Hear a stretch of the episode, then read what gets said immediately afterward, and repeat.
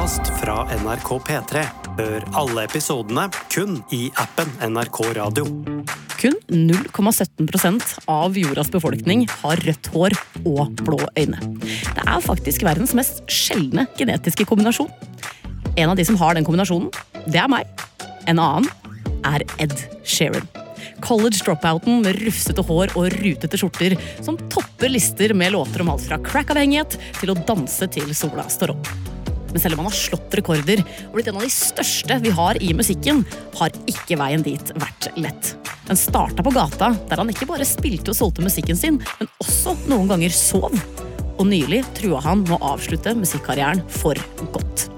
Hvordan ble egentlig Ed Sheeran en av verdens største artister og låtskrivere? Og hvorfor er han både elska, hata og saksøkt?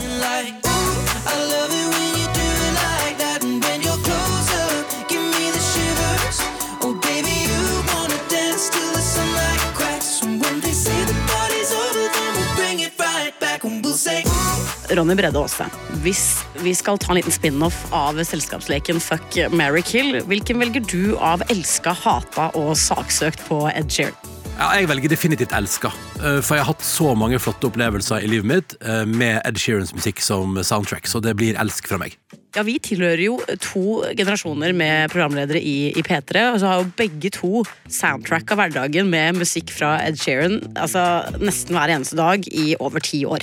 Ja, ja, i rikelig monn. Og forskjellen på oss er jo at jeg er såpass gammel blitt at jeg husker da Ed Sheeran kom ut med førsteplata si og tusla rundt i lokaler til P3 og var ukjent, men kviskra om som framtida, og hadde med en gitar og spilte en nydelig versjon av, av første singelen sin eh, på P3, da. Mye har jo skjedd eh, siden den gang. Han, er, han har gått fra å være sånn nå er det vanlige folks tur til å bli en av verdens største stjerner. Og du har jo møtt han ved flere anledninger, Ronny, har du ikke det? Og jeg ble dratt med i siste liten på en sånn litt sånn hemmelig liten sånn Han, har sett, han, han møtte masse musikkbransjefolk i Norge, eh, i, i hovedstaden her, eh, i januar 2017 for å rett og slett spille gjennom og kommentere Divide-albumet, som jo står igjen som kanskje det han har flest hits på, eh, sånn rent tallmessig. Shape of You, Go Away Girl, Castle on the Hill, som jeg var veldig glad i.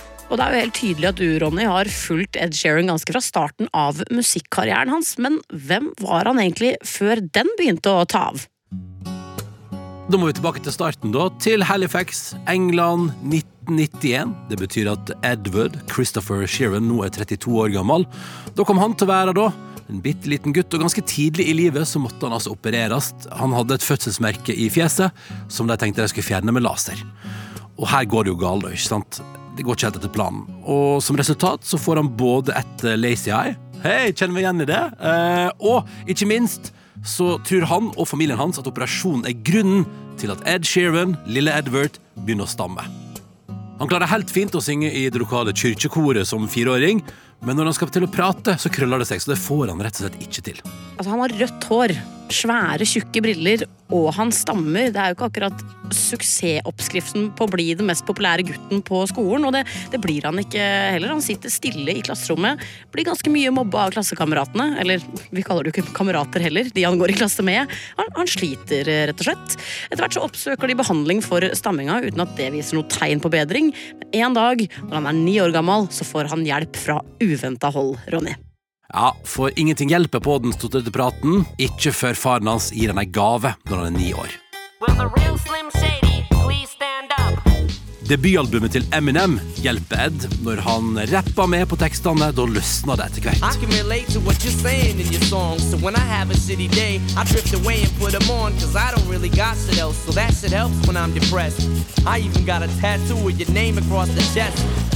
Han ikke bare rapper med, han klarer òg å prate. Men han er fortsatt mye alene, og begynner derfor å uttrykke seg med musikk. Lære å spille gitar som elleveåring, og skrive sine egne låter. Massevis av egne låter. Disse låtene de spiller han inn på rommet sitt, og så begynner han å brenne de på CD-er, noe jeg blir veldig nostalgisk av å tenke på. Og så gir han det ut til venner og familie. I fell out of love with her. Just a trip straight back in. Men det stopper jo ikke der. Nei, nei, nei, nei, for som 16-åring så slutta han på skolen, og helt uh, obsessed med musikken flytta han hjemmefra til London for å satse på musikken sin og få den hørt. I arrived in London and realised that people do this as their living, and they're better than me, like much better than me. And my thought process was like, okay, I can't I can't out sing or outright these people, but I know I can outwork them. I know I can play more shows than you. I know I can write more songs than you. I know I can take all my time and focus it on this thing. For å jobbe mer enn alle disse andre som også prøver å make it i London, så må han ut på veien. My music doesn't really hit everyone, um, otherwise, I'd be a very lucky man. It should hit some people today, hopefully. If there are some fans of folk music and some fans of rap music and some fans of soul music who are there, um, they, might, they might dig it. Han spiller helt sjukt mye live, opptil flere ganger om dagen, om man får muligheten til det, enten det er på gata med busking, open mic nights eller til og med hiphop-kvelder hvor han covrer 50 Cent. Dette høres jo litt heseblesende ut, egentlig, men heldigvis trenger ikke Ed så veldig mye mer enn seg sjøl for å få det til. Han bruker jo en såkalt loop-pedal, en sånn som du eh, Alle i Norge har sikkert sett Jarle Bernhoft håndtere en sånn, og Ed bruker det jo fortsatt på de aller største konsertene sine. At han rett og slett eh, bruker liksom slår på gitaren, Yeah, guitar, bass snare. Og så lager han liksom beats av det, og så looper han det med en sånn pedal og legger på litt mer toner og musikk, og plutselig så har han egen, gjennom egen innsats mekka en hel liten låt som han synger opp på. Og på den måten blir han jo et litt avansert enmannsband, da. Han blir jo det. Og for en kid som har blitt mye mobba og finner trøst i musikken, så er det jo helt naturlig at han bare gjør hele bandjobben på egen hånd og med egne føtter. I first started using the loop pedal um, probably about four years ago uh, when I saw this guy was just doing guitar, vocals, doing the percussion on the guitar, like really, really taking it to the next level. So um, yeah, that's when I first started doing it. Og det er jo dette der pedalopplegget der som gjør at Ed Sheeran enkelt og greit kan rigge opp og ned, og i løpet av det første året han bor i London, så gjennomfører han flere hundre konserter. I tillegg til at han sover på sofa rundt omkring og lever på veldig lite penger. Noen dager går han og legger seg uten å ha spist et eneste måltid hele dagen. Og noen dager sover han faktisk òg på gata etter å ha gjennomført konsertene sine. En av disse kveldene sover han på gata utafor Buckingham Palace, faktisk. Det er jo uh, trash but make it royal som egentlig oppsummerer England generelt, spør du meg. Altså Noen vil jo kalle dette her for eh, dedikasjon, andre vil kalle det for eh, hjemløshet. Jeg tenker jo at det er sånn klassisk eh, artist med kassegitar som gjør alt for å få det til. Og hva som helst gjør han, eh, nesten da, fordi mens han jobber knallhardt med å komme ut med musikken sin, så er jo alt han drømmer om å bare få muligheten til å leve av den. Leve, kunne betale regninga og kunne lage musikk. Så han møter på masse sånne musikalauditions og sånn. Ed hasn't a clue what he's doing, but he's trying. I'm just trying to really get it in my head. I think I messed up as well. I got kicked in the face by accident. But performers like Ed couldn't be ignored because what he lacked in dance ability, he more than made up for in his musical talents. He's great, he's quirky. And I don't care if you're lost, it's in our hearts, we both know that. His voice is classic rock singer. Absolutely. I'd be interested to see what the acting guys have got to say, though. Acting and dancing, who knows? But, uh, But he's 16, he's the real thing. he's 16, you know. I'll be signing him anyway. Du er flink til å synge, men du mangler det lille ekstra for Ed. Alltid beskjed om når han står der og framfører musikalsanger for å forhåpentligvis få en rolle og få muligheten til å betale regningene. Det sier litt, da, når til og med Ed Sheeran har har vært på auditions til musikaler, og Han går jo ikke videre fra noen av disse auditionene, fordi han kan ikke danse. Hva er det han gjør da, Roddy? Du, Mens han har spilt disse hundrevis av konsertene, så har han jo faktisk også fått solgt noen av de brente CD-ene med sin egen musikk på. Og de pengene han tjener på CD-salget, de sparer han opp sånn at han endelig får kjøpt seg en flybillett. I bought a ticket. I made my mum cry because it was the first time I'd left the country and uh, on my own. And I remember leaving. Det er der han mener han må være for å virkelig oppnå drømmen sin. Han må flytte til The Land of Dreams. Ed Sheeran må til Amerika, altså.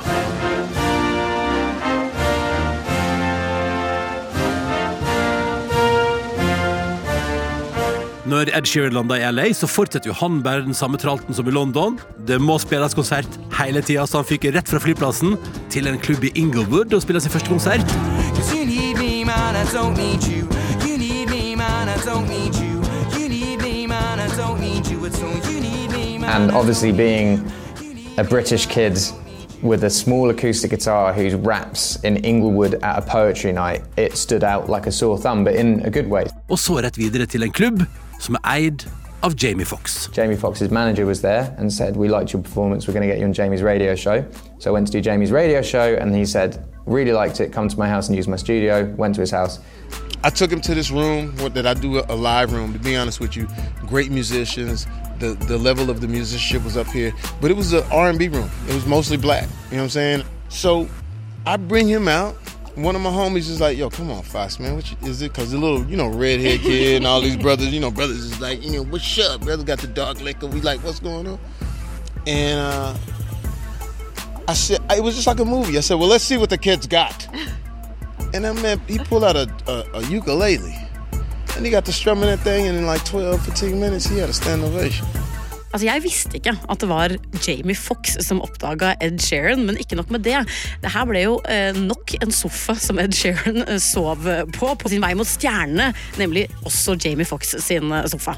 Ja, og, og det er faktisk herifra begynner historiene å piple ut da, om denne nye artisten etter hvert, som da, før han blir kjent i det hele tatt, har couchsurfa gjennom sofaene til alle Hollywood-stjernene. Altså, det har vært rappere, skuespillere. Har på et eller annet tidspunkt her nå Ed Sheeran sovet litt hos. Han har ligget og, marinert på sofaen til de aller største stjernene før han gir ut sin første ordentlige singel, og det er den som skal gjøre at resten av verden også oppdager ham. They say she's in the class 18, stuck in her daydream. Been this way since 18, but lately her face seems slowly sinking, wasting, crumbling like pastries. And they scream the worst things in life come free to us, cause we're just under the upper hand. I'm go mad for a couple grams, and she don't wanna go outside tonight. And in a pipe, she flies to the motherland or sells love to another man. It's too cold outside for angels to fly. The A-Team står seg fortsatt som en tidløs, utrolig fin låt. Og Ed Sheeran skrev jo den etter å ha spilt konsert på et hospits som 18-åring. Det er jo litt spesielt at en låt som handler om en crack-avhengig sexarbeider, skulle bli hans store gjennombrudd i 2011. Hvilken musikkverden ble denne låta født inn i, Ronny? Nei, det, det, du må huske i en verden som akkurat da var veldig Skrillex-orientert. Altså Skrillex og Deadmouse var på høgde og, og fylte uh, hovedfestivalen til randen. Uh, så jeg tror kanskje bare det var genuiniteten til Ed, den gitaren, den fyren, som gjorde at folk våkna litt av den låta her. So ping pong, we're gonna do a bit of singing now. You up for a bit of singing? Say yeah!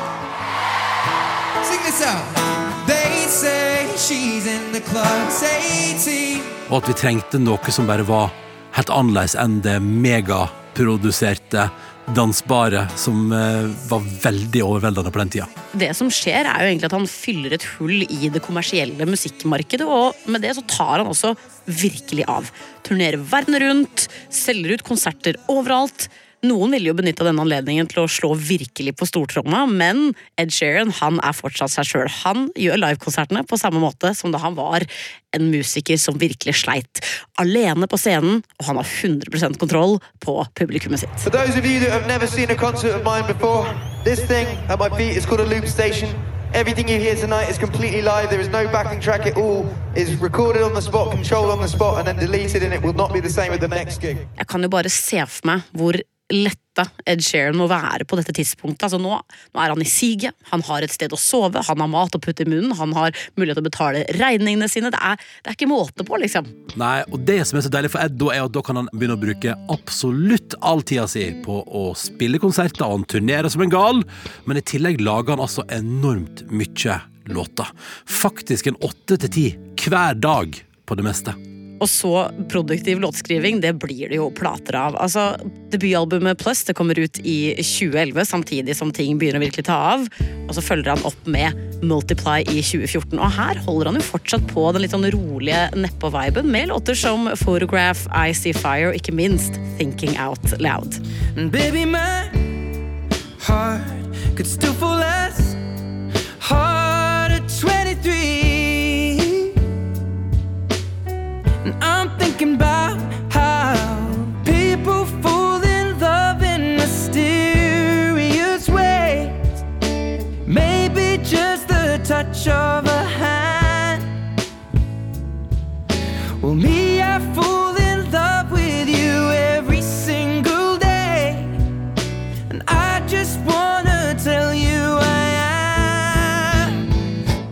Og det her er jo en, en virkelig sterk låt. Jeg merker at Når vi snakker om artister som bare skriver og skriver og skriver, bare peiser ut låter, så romantiserer vi nesten noen ganger litt hvor enkelt det høres ut. Men det er jo ikke enkelt å lage en virkelig god låt, Ronny. Nei, nei, nei, det er jo knallhardt eh, arbeid, og det knallharde arbeidet har vi fått litt innblikk i hos eh, Ed Sheeran, fordi i forbindelse med tredje skiva Divide, så slapp New York Times for noen år siden en video som jeg hang meg fullstendig opp i, der Ed og gjengen viser hvordan de lagde den enorme megahiten Shape of You. And then I was kind of like, well, yeah, that's that's a good start. Straight away, he goes, "Give me a give me a clean track," and he just starts layering over the top. This is 15 minutes into meeting him, you know, and we're we're away, we're off. As we were writing it, I, I kind of knew I wanted it to be like a really sort of R&B type feel, and I was like, wouldn't it be cool if like we put like an interpolation of No Scrubs in it? So the um, the bit that went, "Girl, you know I want your love," originally with "Girl, you know I want your love." Og her hører vi jo virkelig hvor fort Ed Sheeran jobber når han knar fram det som er verdens største hit. da. I'm in love with the shape of you. We push and pull like a magnet do. Although my heart is falling too. I'm in love with your body. I don't really know what, what, what it means to choose a hit. I just like writing songs. It's not rocket science. You know, it's much, much more complicated. Kind of the best hour and a half of my life. Love with your body. To follow a trend is is a, is a common thing in pop, and it's something that I've always tried to not do. But I was wrong this time, man. It's one of the biggest songs of my career. I'm in love with your body. Come on, be my baby.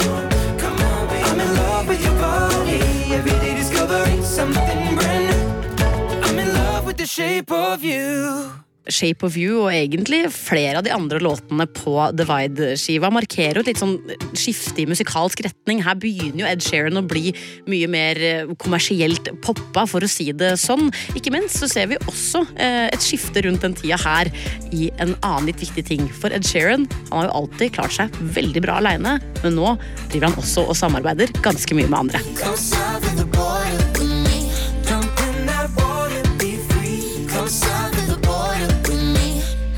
Altså, Jeg vil nesten si at han løfta også et lass for andre, for han driver jo og skriver låter for alle de store stjernene på det tidspunktet her. Altså Justin Bieber, One Direction, bare for å nevne noen få. Han gir ut et helt album der han samarbeider med andre artister, samtidig som han turnerer med bestevennen sin, Taylor Swift. The first thing that struck me was his voice. I've never been more jealous of anything in my life.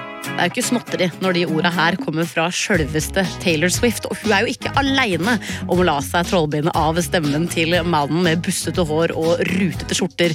Det gjør jo også den stadig voksne fanskaren hans. Og ja, ja, ja, og folk syns han synger altså så vakkert. Og han blir jo spurt om det i talkshow etter talkshow. Har du blitt, har du blitt født med denne fantastiske sangstemma? Men da bare ler han Ed Sheeran, og så viser han hvordan det var før i tida, i starten av karrieren. I'm going to play you a song. Okay. So this is this is my thing. When when people go when people go, oh, oh, you're, s- you, you're so talented. You were born with natural talent. I'm like, mm, no. when, when when people say artists are born with talent, you're not. You have to you have to really learn and really practice. This is me playing guitar and singing. I'm going to put it into my mic like this. I'm addicted Oh. to And then and then.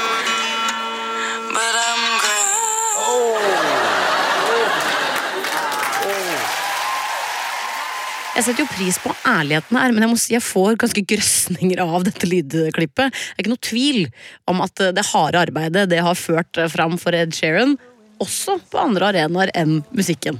Absolutt, fordi fyren som tidlig i karrieren ble avvist på alle musikalauditions fordi han ikke kunne danse, han sitter plutselig nå i en posisjon der han bare kan håndplukke seg ei lita rolle i verdens største TV-serie, og hans favoritt, Game of Thrones. For hands of gold are always cold, but a woman's hands are warm.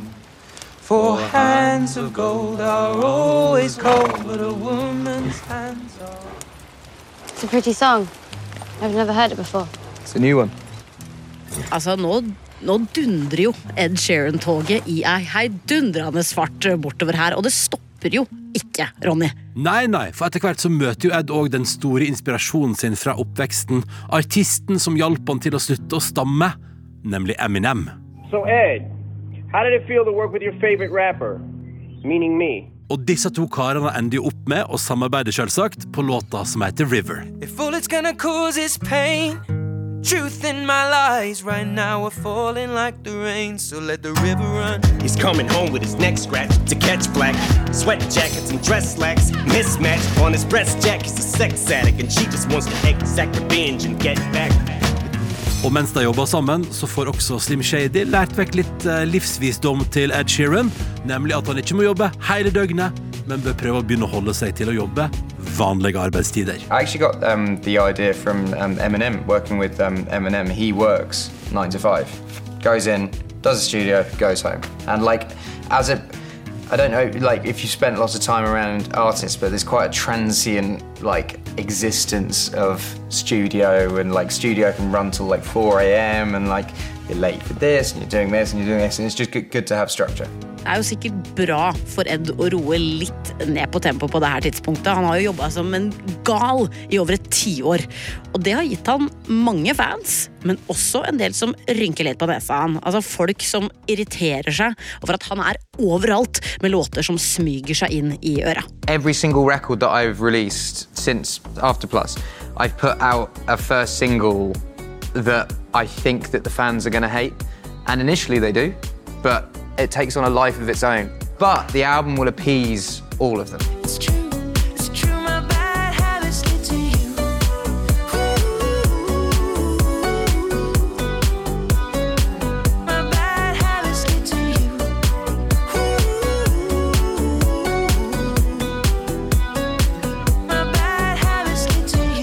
Når vi entrer 2020-tallet, så lever ikke bare Ed Sheeran av musikken sin.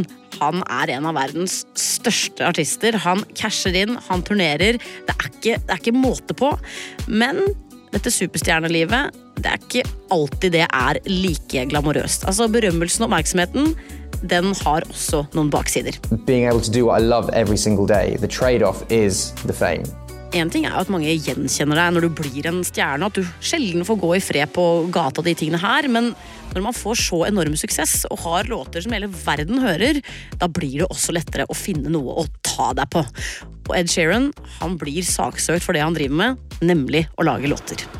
Ed Sheeran was back in court today defending where one of his biggest hits came from. Ed har vært i retten før han, fordi i 2017 så ble han eh, faktisk saksøkt av en tidligere X-Faktor-vinner som mente at han hadde lånt både ett og annet fra vedkommende i låta Photograph, og den gang så løste Ed det ved å inngå forlik. Og det er noe han sier etterpå at han angrer veldig på, fordi han dermed åpna The Floodgates, som de sier på engelsk, av nye anklager. For i fjor kom det nytt søksmål mot låta hans Shape of You, og den runden vant han, men rettssaka tærte på både arbeids- og privatlivet til Ed Sheeran. I feel like claims like this are way too common now and have become a culture where a claim is made with the idea that a settlement will be cheaper than taking it to court. It's really damaging to the songwriting industry. There's only so many notes and very few chords used in pop music. Coincidence is bound to happen if 60,000 songs are being released every day on Spotify. That's 22 million songs a year, and there's only 12 notes that are available.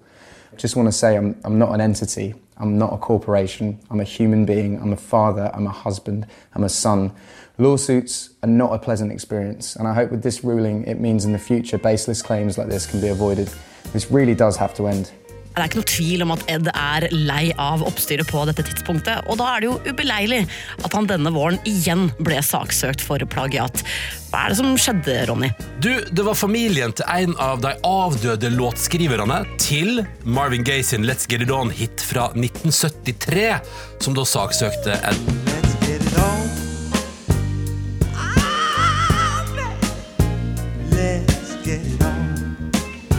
Fordi de mente at han med låta Thinking Out Loud har stjålet, eller lånt, fra den gamle låta deres. Og de som anklager han for å plagiere Let's Get It On av Marvin Gaye, har jo fått med seg hva Ed sjøl gjør når han spiller sin egen låt live i konsertene sine.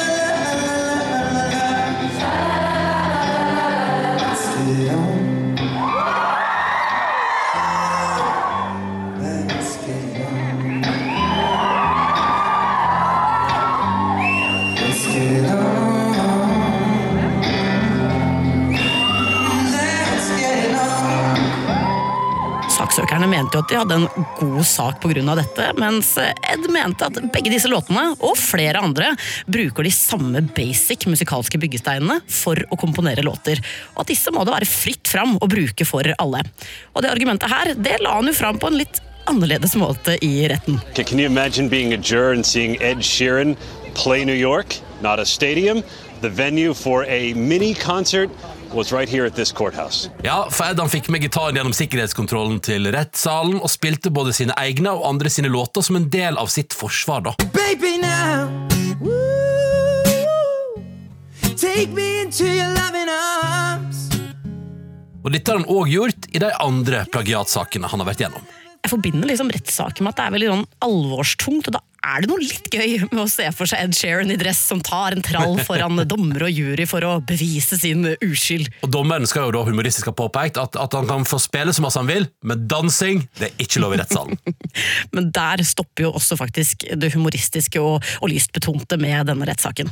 Ja, for Ed han er ikke bare frustrert, han er forbanna for disse beskyldningene her, og fornærma for at noen prøver å skade virket han har dedikert hele livet sitt til. Han sa jo tidlig i rettssaka at hvis han tapte denne gangen her, så slutta han med musikk. Ferdig snakka. Og det sier jo litt, da, når en som har jobba så hardt for karrieren sin, og som virkelig lever og ånder for musikken, truer med noe sånt. Men så, i starten av mai, så kom da nyheten som Ed og fansen hans har venta på. Ed Sheeran has been found not liable in that copyright case against him. A jury found that he did not copy Marvin Gaye's hit song, Let's Get It On, when he wrote Thinking Out Loud. That's what a jury just decided moments ago. Juryen er overbevist, og Ed han er frikjent og kan legge plagiatanklagene bak seg. Nok en gang. I'm obviously very happy with the outcome of the case, and it looks like I'm not having to retire from my day job after all. But at the same time, I'm unbelievably frustrated that baseless claims like this are allowed to go to court at all. This seems so dangerous to me, both potential claimants who may be convinced to bring a bogus claim, as well as those songwriters facing them. It's simply wrong. By stopping this practice, we can also properly support genuine music copyright claims so legitimate claims are rightly heard and resolved. Så letta, og timingen kunne ikke vært bedre heller, for dagen etter at han seira i retten, kom hans nyeste album ut, Subtract. Right now in the waiting room, emotions running wild. Worried about my lover and I'm worried about a child. And part of me was always in denial. It's gonna take a little while. Det femte og siste i rekka album med mattesymboler som titler. Men det skiller seg ganske ut fra sine forgjengere. Hva slags plate er dette, Ronny? Subtract det er Ed sitt eh, sier han selv, da, mest personlige album noensinne, og det er kanskje ikke så rart, fordi de siste par åra har vært ganske vanskelige for Ed. Rettssaker er jo åpenbart kjedelig business å drive med, men det som virkelig betyr noe for han, er jo den nærmeste hjemme. Familien og vennene, og der har det vært mye trøbbel. Kona hans oppdaga en svulst under svangerskap som ikke kunne fjernes før etter fødselen, og det må være helt forferdelig vanskelig å forholde seg til, og i tillegg ble det verre da hans beste venn plutselig døde i fjor.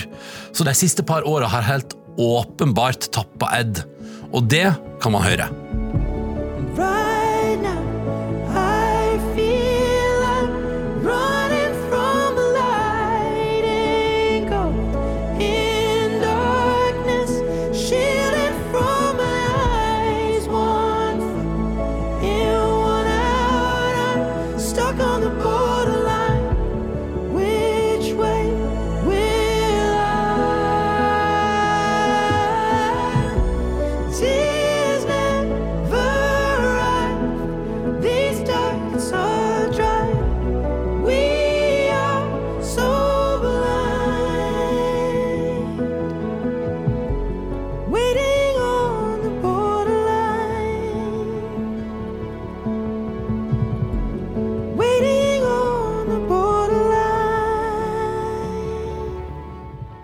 fader meg heavy greier, det her. Han har virkelig fått kjenne på hvor brutalt livet kan være, og sorg det er jo kanskje det som fillerister oss mest som mennesker.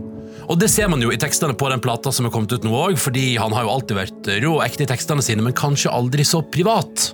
Nei, og Det sier jo litt da når han ga vekk Love Yourself til Justin Bieber back in the days, fordi den ble for personlig. Det blek den jo ganske hardt i forhold til låter som Borderline, Vega og Sycamore som du finner på den plata her. Disse låtene her er jo skrevet i forbindelse med kona sin sykdom, og det som er interessant her, er at det er ikke Ed sjøl som har vært med på å komponere det instrumentale i dem. Nei, Det pleier han jo sammen med et team, selvfølgelig, men denne gangen så har han rett og slett fått tilsendt instrumentalet fra platas produsent Aaron Dessner. Han eh, er også med i et av mine favorittband, The National, og har også produsert for eh, Taylor Swift. Og dette gjorde det jo mulig for Ed Sheeran å kun fokusere på å skrive ned alt han hadde på hjertet rundt eh, konas sykdom. Det her er jo selvsagt vakre og sterke og hjerteskjærende låter som sannsynligvis vil få mange i samme situasjon til å, å kjennes igjen, og, og, og de vil trenge de låtene. Men dette viser jo òg at Ed Sheeran har tatt med seg noe av lærdommen han fikk av Eminem, om å faktisk roe litt ned og delegere vekk noe av ansvaret til andre. Vet du hva? Det syns jeg Ed Sheeran fortjener, etter å ha jobba så hardt hele karrieren med å nå fram med musikken sin. Og så har han vært ganske ærlig i intervjuer i det siste om at man kan ikke holde på sånn som han har gjort lenger, når man har familie. Jeg tror faktisk det er første gang vi får en så åpenhjertig Ed, men forhåpentligvis ikke siste. I don't want this to turn into some like Ed cries every time that he talks about this album or whatever. But like it, it this is like it's my actual, it's real fucking life. You know, it's actual emotions, and I'm an entertainer, so I've always been like I'm a pop star, and I will do the photo shoot and I'll make the music video and stuff like that, and all of my own personal troubles or struggles or whatever the fuck I felt, I just keep it private, and you know, I talk to my friends about it, my family, or like but it's not something I ever feel like sharing. But I think the, the crux of this record is so intertwined with my actual emotions now. It feels like you have to kind of show that it means something.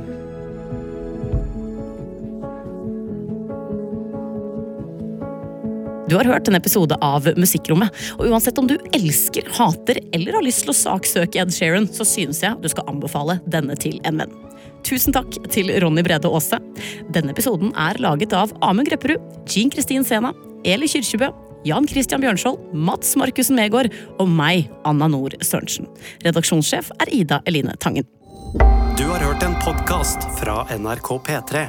Hør alle episodene kun i appen NRK Radio.